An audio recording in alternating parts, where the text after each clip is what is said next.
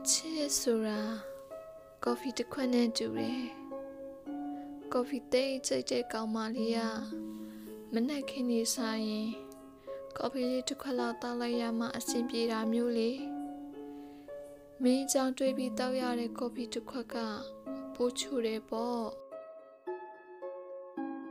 တစ်ဆက်တည်း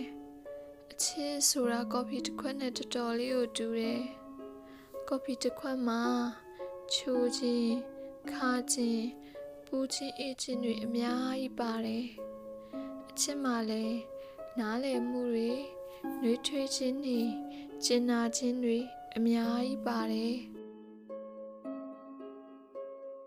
အချိုလွန်သွားတဲ့ကော်ဖီတစ်ခွက်ဟာလိုရာချက်ပိုးပြီးနားလည်ပေးနေတဲ့အချစ်တစ်ခုလိုပါပဲပုံမှန်ထက်ခါနေတဲ့ကော်ဖီတစ်ခွက်က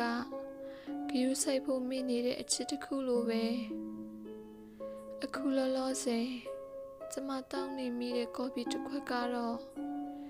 ဖြော်ထားပြီးအချိန်ကြာကြီးပြစ်ထားမိတဲ့အေးဆက်ဆက်ကော်ဖီတစ်ခွက်ပေါ့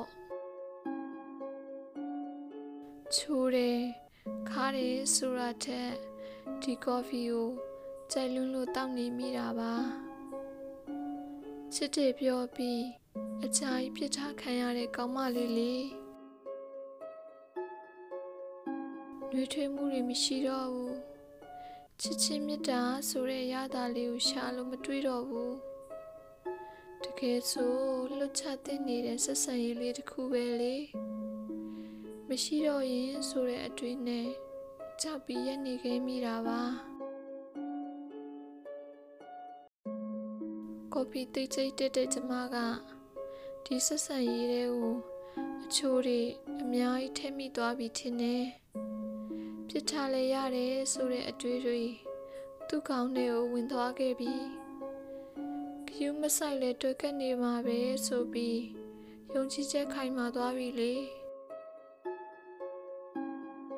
သူ့ရဲ့ခါတက်ခြင်းတွေအေးဆက်ခြင်းတွေမှာအခုဆိုကျမလည်း အေးဆက်နေတဲ့ကော်ဖီတွေကိုစိတ်တက်လာပြီလေဒါပေမဲ့တခုပဲ